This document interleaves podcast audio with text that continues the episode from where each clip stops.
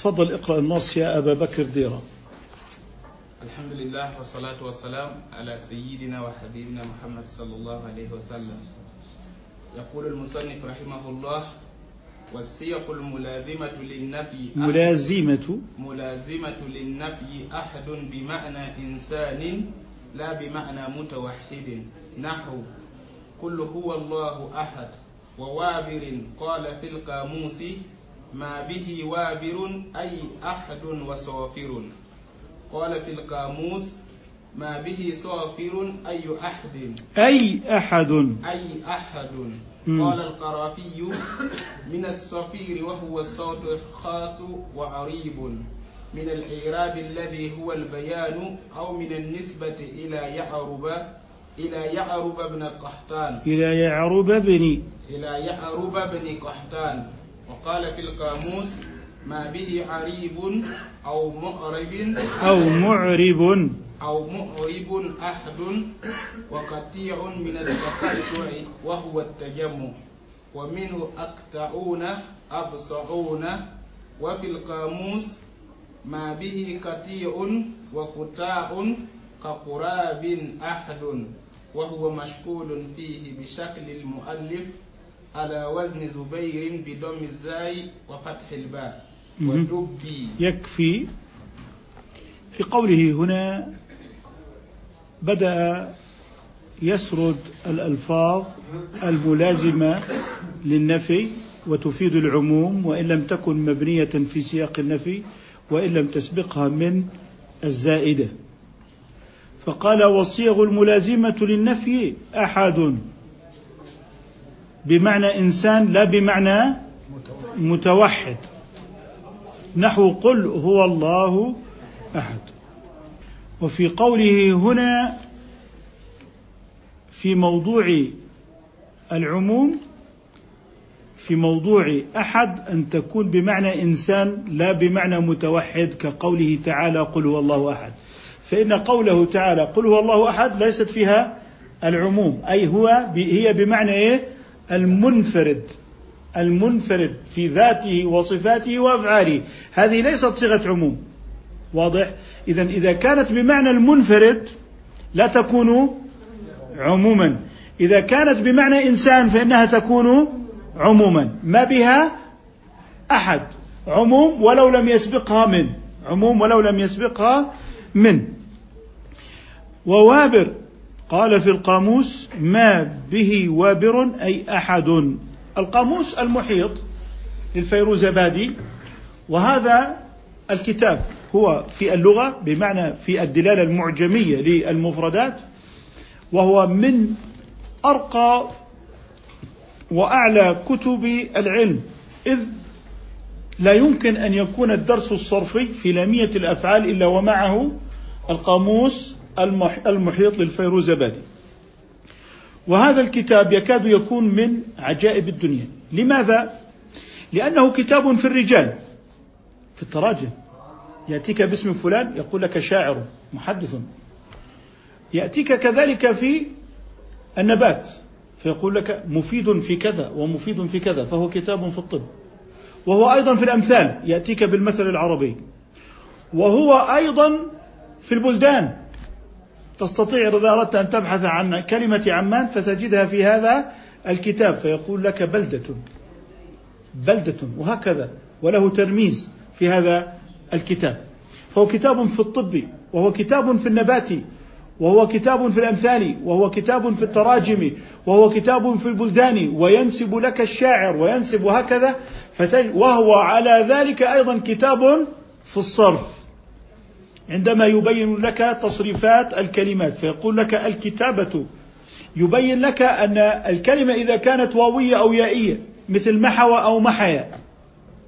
فإنه جعل الواو والياء بابا واحدا. فلا تبحث عن الواو ولا تبحث عن الياء. فإذا التبس عليك أن الكلمة واوية أو يائية فاذهب إلى إيه؟ إلى فصل الحرف الأول. وهو يبحث بباب الحرف الأخير.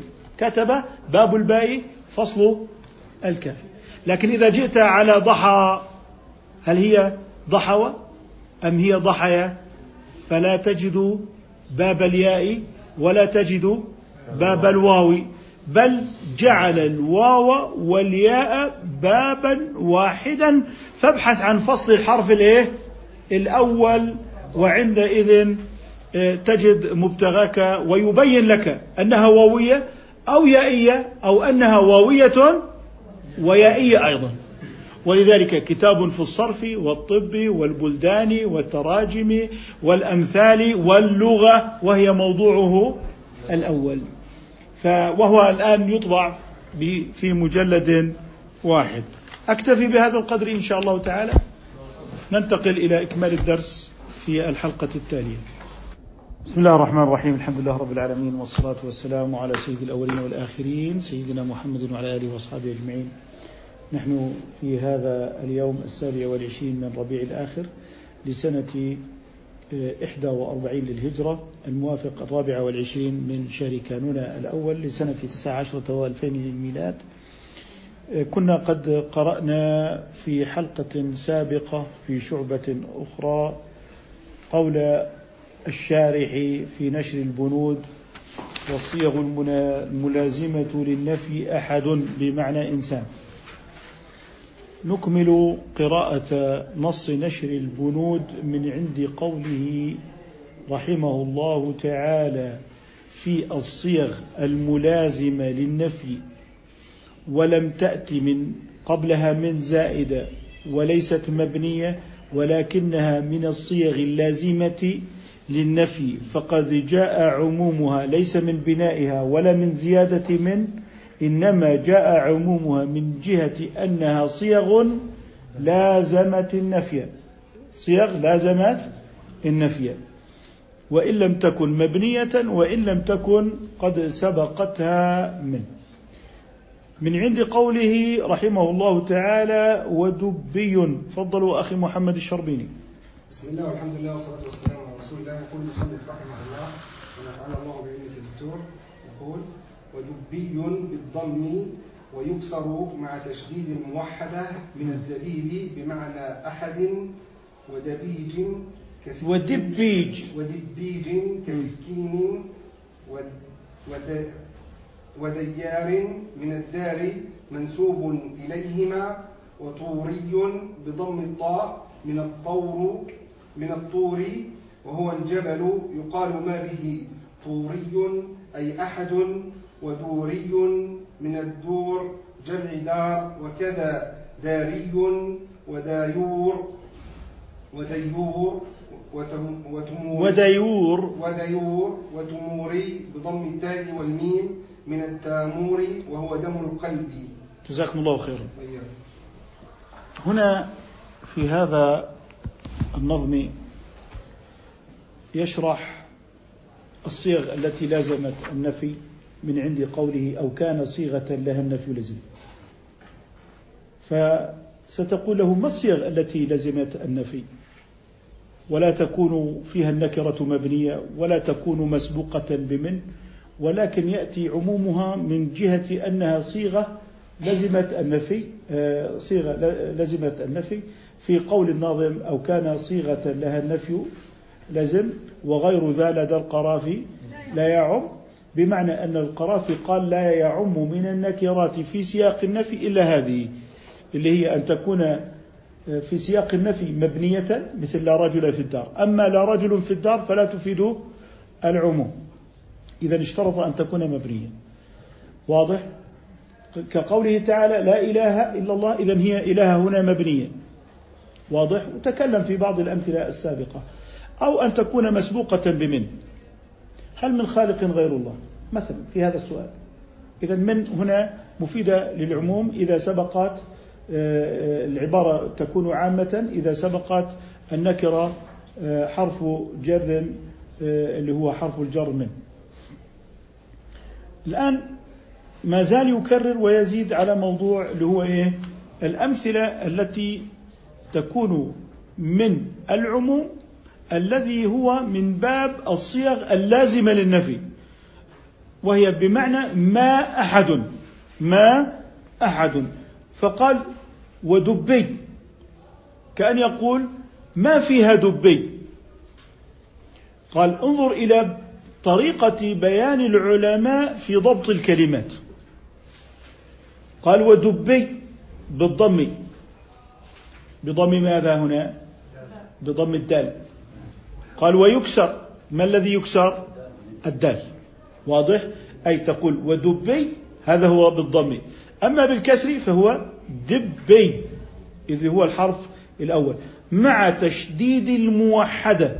أين هي الموحدة؟ الباء التي تحتها نقطة واحدة. من الدبيب. من إيه؟ الدبيب. أي لا يوجد من يدب. كان يقول ما هب ودب. الدب اللي هو الإنسان أو ذوات الأربع. ما هب الطيور. عندما تقول فيها ما هب ودب ما, ما الذي يهب؟ طيور. ما الذي يدب؟ ذوات الأربع والإنسان واضح؟ هذا معنى ما هب ودب. أي ما من طير وما من إيه؟ بري يمشي على قدمين. هذا فيه العموم من جهة ما هب ودب. فهون يقول بمعنى الدبيب. فيقول ما فيها دبي؟ أو دبي أي ما فيها من يدب. أي يمشي. إذا هنا ما معنى دبي أو دبي أحد؟ أي ما فيها أحد. إذا ما فيها إنسان. فهنا أحد بمعنى إنسان. قال ودبيج بدلا من أن يقول لك بكسر الأول وتشديد الثانية وكسرها قال لك كسكين إذا أعطاك الحركات بكلمة واحدة. أعطاك الحركات الحركات بكلمة واحدة. فهو يأتي إلى كلمة مشهورة كسكين لا يختلف فيها الناس في ضبطها ووزنها فيقول لك هذه الكلمة لن أقول لك بكسر الدال وتشديد الموحدة وكسر الموحدة وإلى فقال لك كسكين. إذا قال ودبيج كسكين. ما معنى قوله كسكين؟ هل كسكين معنى دبيج أم أن كلمة دبيج تضبط في حركاتها ككلمة سكين؟ إذا تضبط في أحيانا يقول لك كغراب صح؟ إذا يريد أن يبين لك من باب نصر أي نصر ينصر. من باب فرح أي فرح يفرح. إذا اختصر لك حركة المضارع. قال لك هذا باب فرحة هذا باب نصر. إذا هو يدلك على الحركات بكلمات مشهورة بكلمات مشهورة. لذلك قال ودبيج كسكين. وديار أي ما فيها ديار. من الدار منسوب إليهما إلى إليهما الضمير يعود على من؟ اللي هو الدبيب واللي هو الدار إذا نسب إلى الدبيب ونسب إلى الدار إذا منسوب إليهما يعود على من؟ أه. إذا قال كسكين وديار من الدار من الدار منسوب إليهما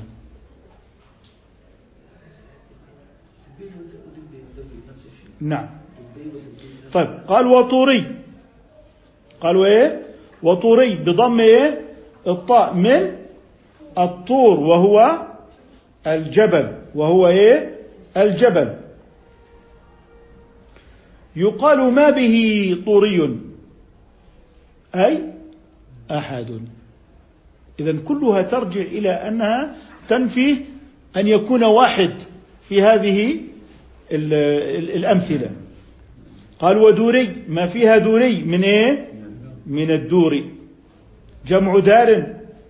قال وكذا داري وديور. كذا ما يعني ماذا يعني وكذا داري؟ وكذلك في قولنا ما فيها داري. يكون كما قلناه فيما سبق أي بمعنى ما فيها أحد. ما فيها أحد. لاحظ أننا نقول أنه إذا لم تكن من ولم تكن مبنية ولكن النفي فيها فهم من جهة أنها صيغ لازمة للنفي فلم ترد إلا إيه؟ منفية. قال وتموري بضم التاء والميم من التامور وهو إيه؟ دم القلب وهو إيه؟ أي ما فيها تموري بمعنى دم القلب. ما بقي من الصيغ التي آه، تكون منفية ومفيدة للعموم وإن لم تكن النكرة فيها مبنية ولا سبقها من إنما جاء العموم من جهة أن الصيغة لازمة للنفي اتفضلوا أخي فايز. نعم. بسم الله بسم الله وداع ومجيب من الدعاء والإجابة يقال ما بها داع ولا مجيب وناخر يقال ما بها ناخر من النخيل وناخر يقال ما وناخر. به مم. يقال ما بها ناخر من النخيل. وراغ وثاغ وشفرة وأرم محركة وأريم كأمير شوف وأرم وأريم كأمير وأرم. كأمير. وإر, وإر أي ما فيها أرم ما فيها أريم كلها على الرفع. نعم. كأمير أي وزن أريم كأمير. يعني لا تظن أنها أمير أو أريم. نعم. على وزن أمير أو إذا هو ضبطها عن طريق قوله كأمير. نعم. وإرمي بكسر الهمزة وفتح الراء وتشديد الياء. مم. وإرم مم. بكسر الهمزة وفتح الراء مقصورا. وإرما بفتح الهمزة وتكسر. إذا وإرما أو. وأيرما وأيرما. بفتح الهمزة وتكسر. والراء مفتوحة مع القصر. وصوات طوئي بضم الطاء. وواو ساكنة بعدها همزة مكسورة. فياء مشددة. جزاكم الله خيرا وبارك الله فيكم. في هذا نقول إن ما يتعلق بهذه العبارات وطوئي كأنه يقول ما فيها طوئي. واضح أنها كلها آه، من باب العطف. واضح؟ إذا هي كلها من باب العطف. فكان هو يقول لك ما فيها طوئي لذلك جاءت مرفوعة. قال بضم الطاء والواو. ولا بضم الطاء وواو. آه ليست بضم الواو. إذا قال وواو. ما هو التقدير؟ أي وبواو. أي وبواو. ودائما قلنا إن آه، العطف على نية تكرار العامل. ما هو العامل؟ العامل هو حرف الجر. واضح؟ مررت بخالد وسعيد. سعيد مجرور بماذا؟ بحرف الجر. أين حرف الجر؟ مقدر كأنني قلت مررت بخالد وبسعيد إذا هذا ما نعني به أن العطف على نية تكرار العامل. على نية تكرار العامل. جاء خالد ومحمد. أي جاء خالد وجاء محمد. واضح على نية تكرار العامل. أين الرافع في محمد؟ الفعل جاء هو العامل. وهذا يختلف عن الفاعل. يعني محمد فاعل عامل الرفع فيه جاء جاء. إذا قال وطوئي أي ما فيها طوئي بضم الطاء وواو ساكنة أي كأنه يكرر العامل فيقول وبواو ساكنة. واضح؟ بعدها همزة بعدها همزة مكسورة. فياء أي فبياء فبياء. هذا هو التقدير. فبياء مشددة. ثم قال وطوي وطووي. وطواوي مم. بإبدال الهمزة واوا. وطاوي بألف بعد الطاء. فواو مكسورة. وطوى طيب. وطؤوي. وطؤوي كجهني. ودعوي كتركي. ودعوي. ودعوي كتركي. وواب بالموحدة كصاحب. وعين بفتح العين المهملة. وسكون المثنات التحتية. وأمر محركة وتامر وتمور. ونمي. وتومور وتمور. ونمي. بضم النون وكسر الميم المشددة وبالياء المشددة أيضا وكراب وكراب كشداد وبد وبد البد الانفكاك وكلها بمعنى أحد غير بد وثاغ وراغ يقال ما بها راغ وكلها بمعنى أحد غير بد وثاغ وراغ يقال ما بها راغ ولا ثاغ.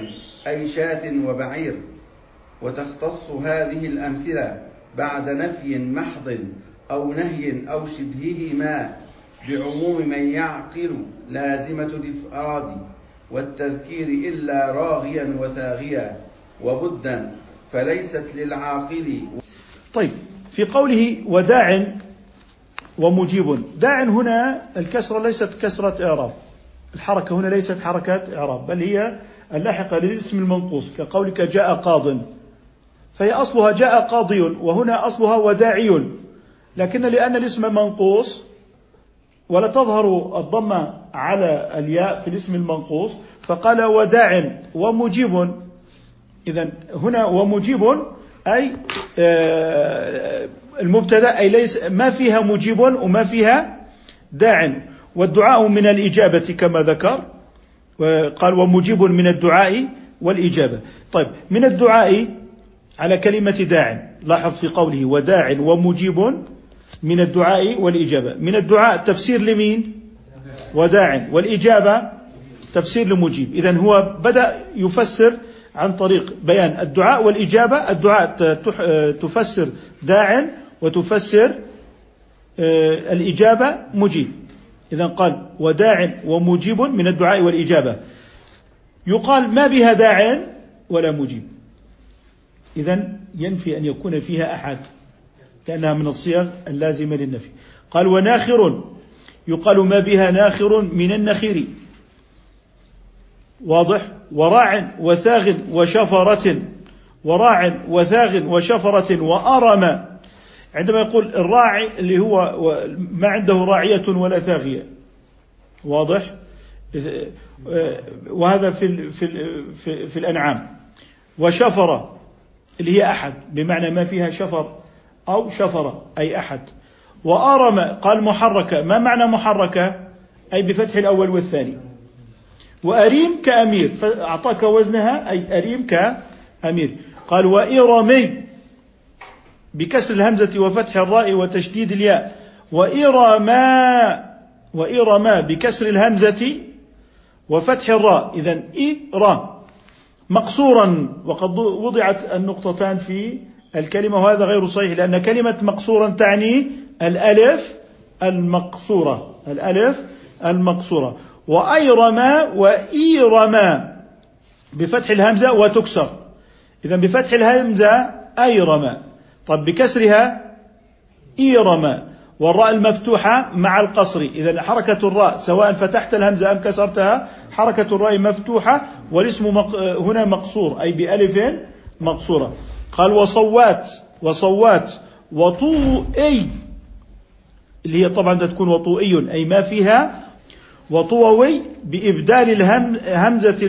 بإبدال الهمزة واوا لأنه كانت و طوئي. أبدلنا الهمزة ثم ماذا صارت؟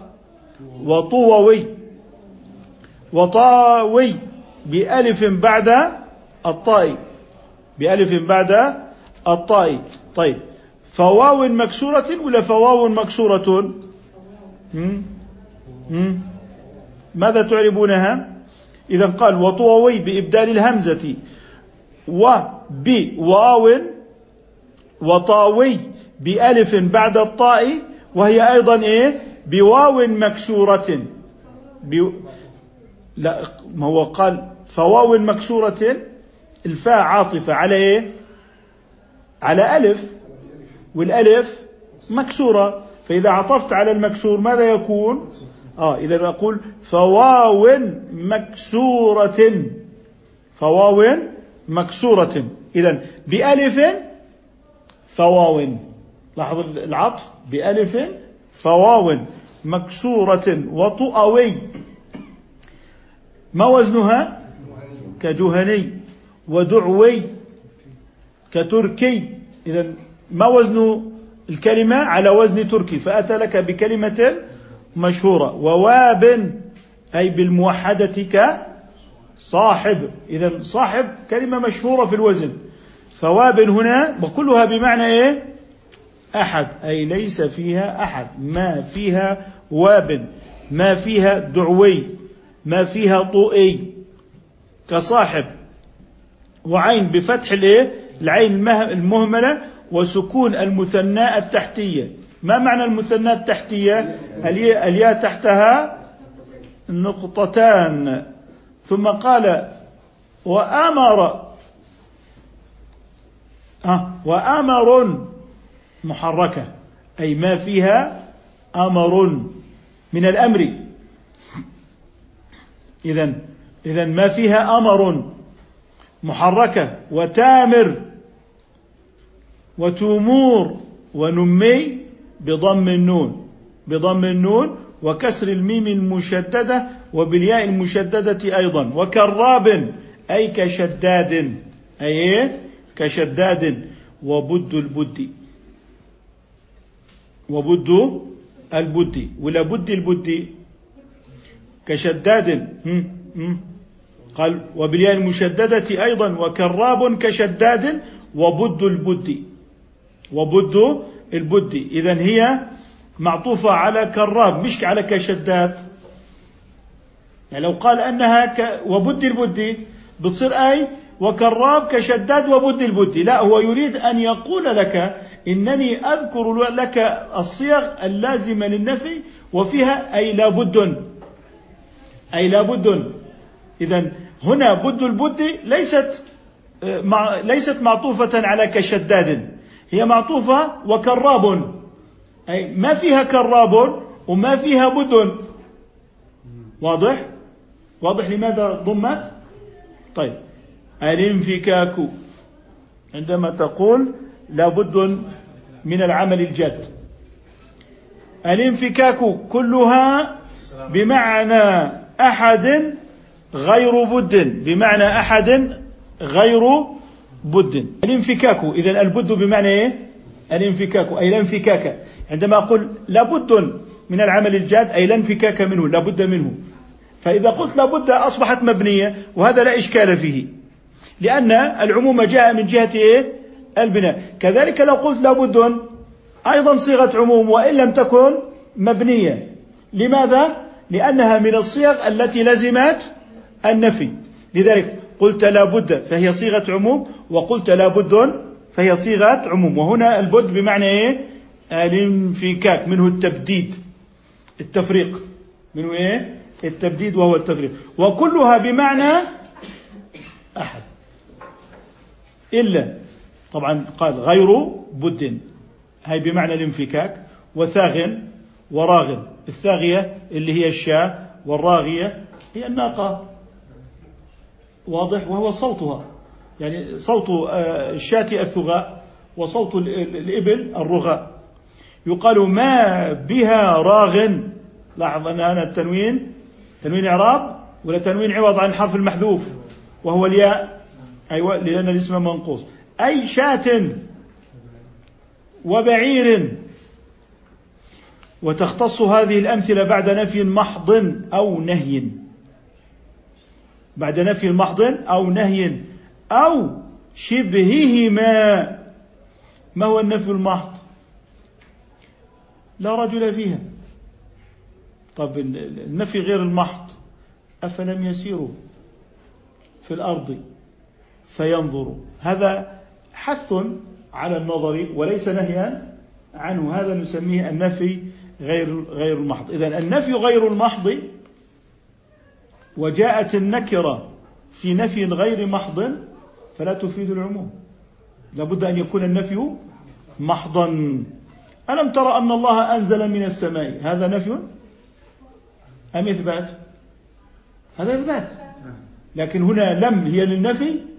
إذا ليست نفيا محضا بل هي للتقرير. إذا هذا ما ينبغي أن نميز فيه بين النفي المحض. إذا في قوله تعالى ألم ترى أن الله أنزل من السماء ماء فتصبح الأرض مخضرة. هل هذا نفي؟ مع أنه يبدأ بهمزة ولم. صح؟ والهمزة فيها شبه نفي واللم فيها نفي. فصار عندي هنا كأنه نفي نفي إثبات. واضح وصار تقريرا. إذا وإن كانت الألفاظ هنا فيها النفي إلا أنها ليست نفيا محضا.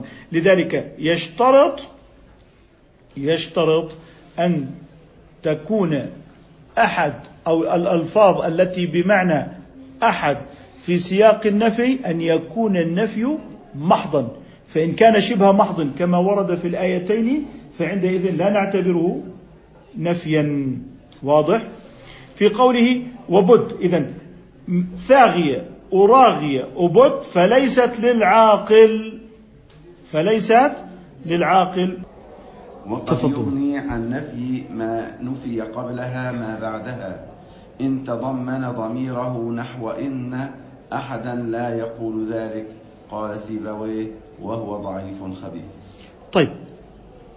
في قوله هنا وقد يغني عن نفي ما نفي قبلها. ما الذي نفي الضمير في قبلها هنا؟ على ما يعود على أحد.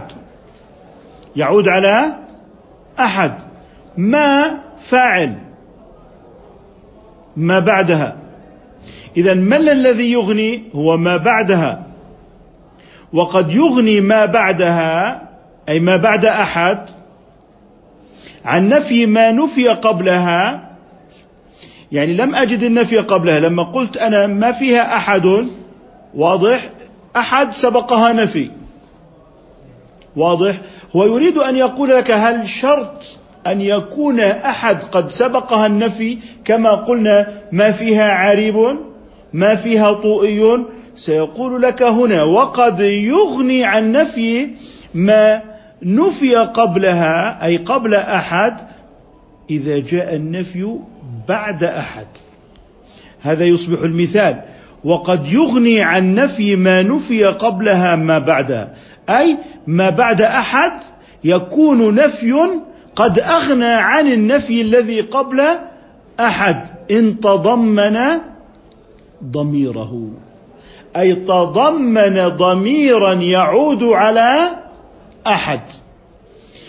فخلاصة هذه الجملة أنه يريد أن يقول لك هل يشترط أن يكون النفي متقدما على أحد حتى يكون من صيغ العموم؟ قال لك هذا ليس شرطا بل قد تكون أحد مثبتة ولكن يعود على أحد ضمير في حيز النفي كقوله إن احدا لا يقول ذلك. لاحظ أحد هل سبقها نفي؟ بل على العكس سبقها توكيد جملة مثبتة أليس كذلك؟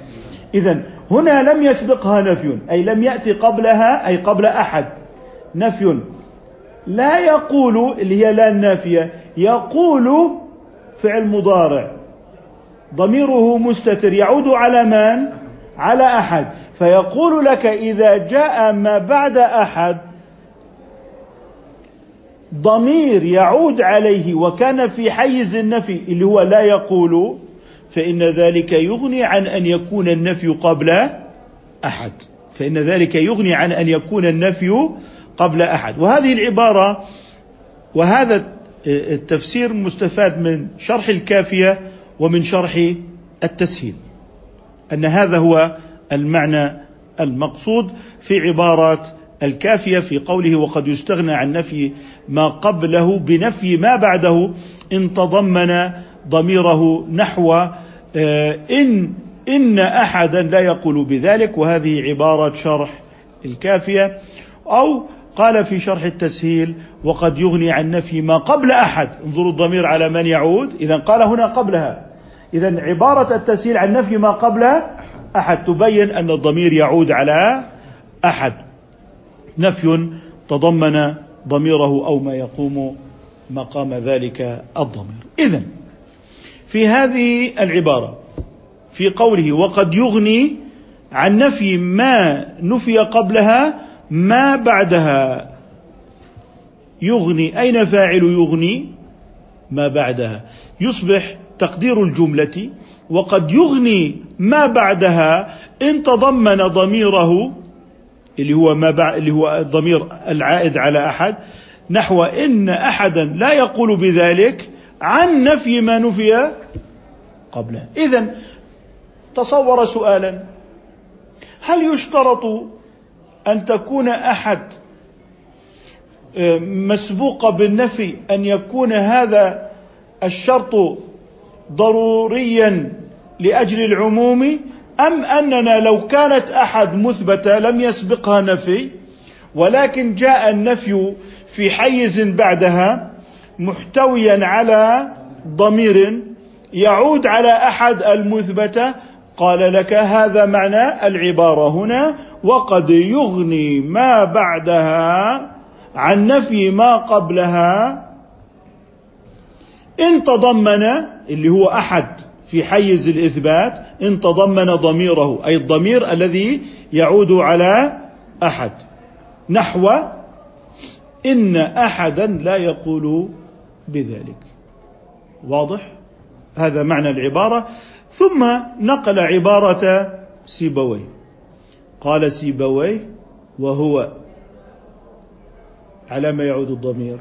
على هذا القول. أنه يريد أن يقول لك إن سيبويه ليس مع هذا القول. ليس مع هذا القول. اذا معنى كلام سيبويه أنه لا يكون من صيغ العموم أن يعود الضمير في حيز النفي على أحد التي سبقت وكانت أحد مثبتة. فلا يكون ذلك من صيغ العموم. فخلاصة قول سيبويه إن أحدا لا يقول ذلك لا تكون من صيغ العموم. ولو تضمنت يقول ضميرا في حيز النفي يعود على أحد. فقول سيبويه في ذلك إن هذا الزعم بأنه عموم أنه ضعيف خبيث. لكن ظاهر قوله في نشر البنود أنه يقول إنه قول معتبر وصحيح لكن آه، الأصوليين في منهجهم البحثي لا يخشون من ضوء الشمس. فيقول لك هذا القول آه، يعترض عليه بقول سيبويه. ونحن قائمون هنا على المناقشة وعلى البحث وعلى الدراسة والنظر ولسنا من باب من يستر أقواله فلا يذكر أقوال المخالف وهذا من قوة الطرح العلمي أما الذين يغضون الطرف عن أدلة من يخالفهم فهؤلاء لضعف أدلتهم وضعف ملكتهم ودرايتهم بعلوم الشريعة. أه تفضل شيخ محمد أسأل سؤالك. الله حكم الدكتور الآن نفرق من قول سيبويه آه، هو ضعيف خبيث من جهة عمل النحاه ويكون آه، قول المصنف من جهة عمل المسلمين. جزاكم الله خيرا. آه، الأخ محمد الشربيني في هذا السؤال ينبه إلى أننا ممكن أن نفسر قول سيبويه من ناحية العناية بالألفاظ وهو محل عنايات النحاه وهي الصنعة اللفظية لكن آه، ننظر من جهة الأصوليين من حيث الصنعة الأصولية. كما قلنا في الذي أن الذي عند النحاة هو يعين آه، يعين معينا وبالتالي لا يصلح للعموم. لكن الأصوليين ذهبوا إلى أنه آه، يعني عام. وبالتالي هنا قد نجري على تفسير سيبويه على أنه ضمن البيئة النحوية. والصنعة اللفظية لكننا عندما نبحث في مراد المتكلمين آه، لا نقتصر على نفس آه، التركيب النحوي بل علينا أن نذهب إلى مذهب أبعد من ذلك ألا وهو البحث في مراد المخاطبين والمتكلمين. فنبحث عن مرادهم. فهذا ما طرحه أخي محمد الشربيني. يكون وجها للتوفيق بين آه، ما ذهب إليه سيبويه بقوله وهو ضعيف خبيث وبين ما اختاره المصنف وقدمه اولا وهو ما أشعر بقوته عنده. فنلتمس للمصنف ولسيبويه هذا الالتماس أن كل منهما نظر باعتبار صنعته وفي هذا آه، خير للجميع وهو نظر توفيقي وهو الذي ينبغي أن يكون في درسنا الفقهي والاصولي. آه، أشكر لكم حسن استماعكم وإصغائكم والسلام عليكم ورحمة الله وبركاته.